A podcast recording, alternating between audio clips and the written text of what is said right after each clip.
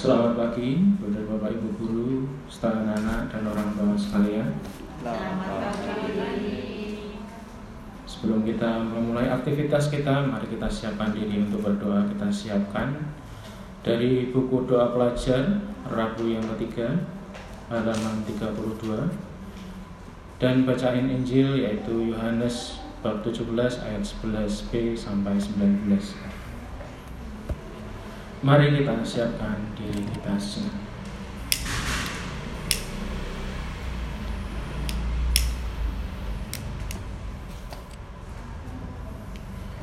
Allah adalah kasih.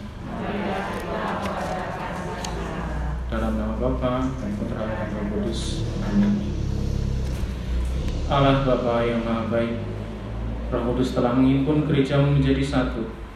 Semoga kami dapat mengabdi Engkau dengan tulus ikhlas dan semakin bersatu padu dalam cinta kasih dengan pengantaran Yesus Kristus Putramu, Tuhan kami yang bersama dengan Dikau dalam persatuan Roh Kudus, hidup dan berkuasa Allah sepanjang masa. Amin. Mari kita dengarkan Injil Tuhan. Dalam perjamuan malam terakhir, Yesus mengadah ke langit dan berdoa bagi semua muridnya. Ya Bapa yang kudus, peliharalah mereka dalam namamu, yaitu yang telah engkau berikan kepadaku, supaya mereka menjadi satu sama seperti kita. Selama aku bersama mereka, aku memelihara mereka dalam namamu, yaitu namamu yang telah engkau berikan kepadaku.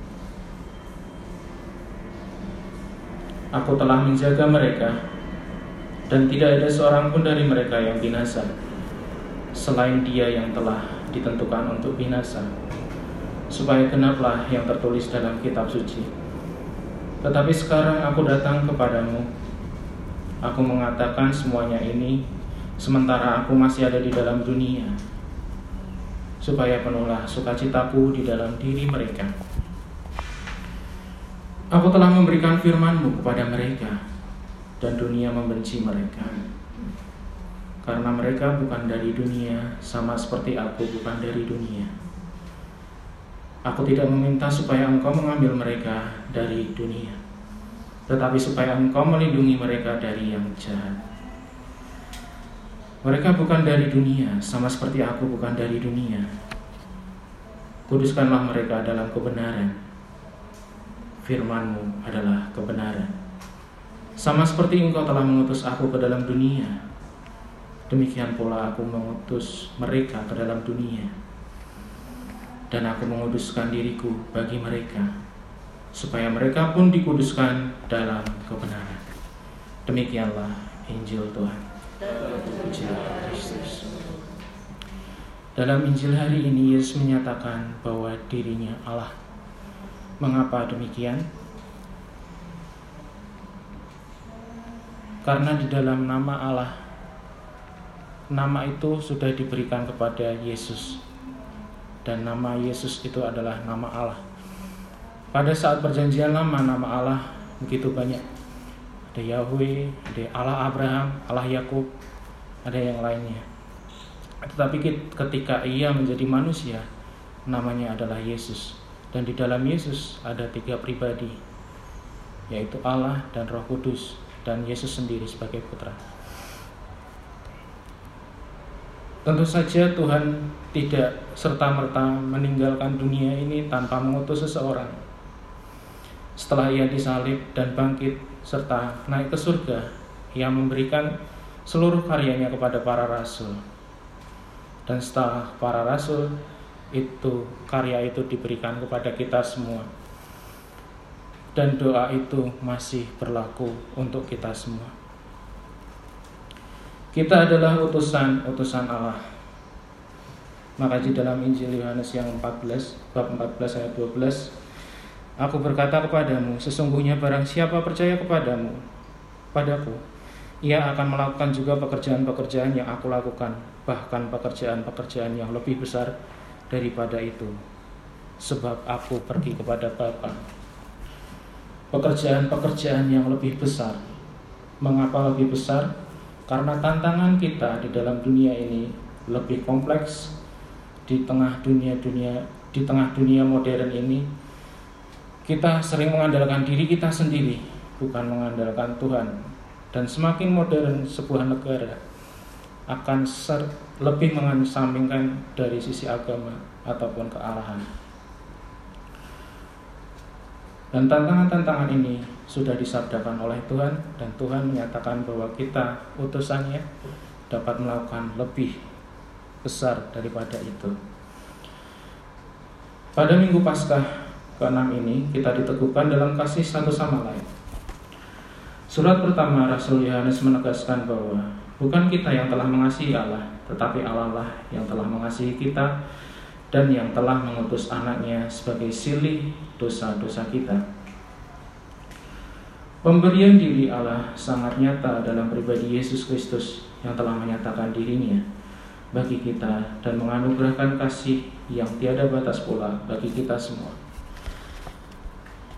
Seperti Bapa telah mengasihi aku, demikian juga aku telah mengasihi kamu. Tinggallah di dalam kasihku itu.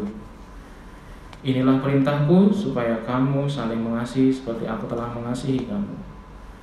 Penegasan dan ajaran mengenai cinta kasih ini sudah menjadi bagian hidup dan menjadi praktik harian. Bahkan dikenali secara sangat bagus oleh sanak saudari yang tidak katolik. Cara dan upaya serta sepak terjang hidup sehari-hari yang dinyatakan dalam cinta kasih yang nyata menjadi kekuatan dan peneguh bagi hidup harian. Berbagai upaya untuk menjadi tanda berkat Tuhan yang kita perjuangkan dalam hidup sehari-hari menjadi daya dorong untuk melaksanakan amanat cinta kasih serta mewartakannya dalam sikap hidup harian. Kemuliaan pada Bapa dan Putra dan Roh Kudus.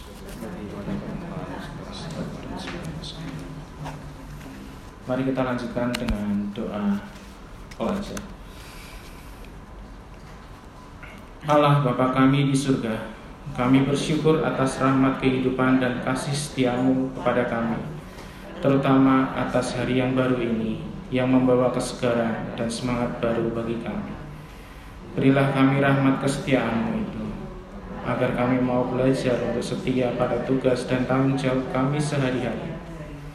Bimbinglah kami dalam belajar, agar kami semakin berkembang menuju ke arah Yesus Kristus Putra. Sebab dialah guru dan teladan kami. Sepanjang masa Bapa kami yang ada di surga, dimuliakanlah namamu, datanglah kerajaan, jadilah kehendak di atas bumi seperti di dalam surga. Berilah kami rezeki pada hari ini, mengampunilah kesalahan kami, seperti kami pun mengampuni yang bersalah kepada kami.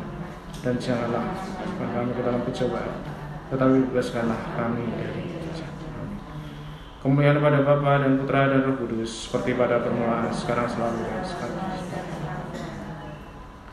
Terpujilah nama Yesus, Bunda Maria dan Santo Yosef. Santo Bernardus. Dan Bapa dan Putra dan Roh Kudus. Amin. Terima kasih atas kebersamaan kita dalam doa Tuhan memberkati.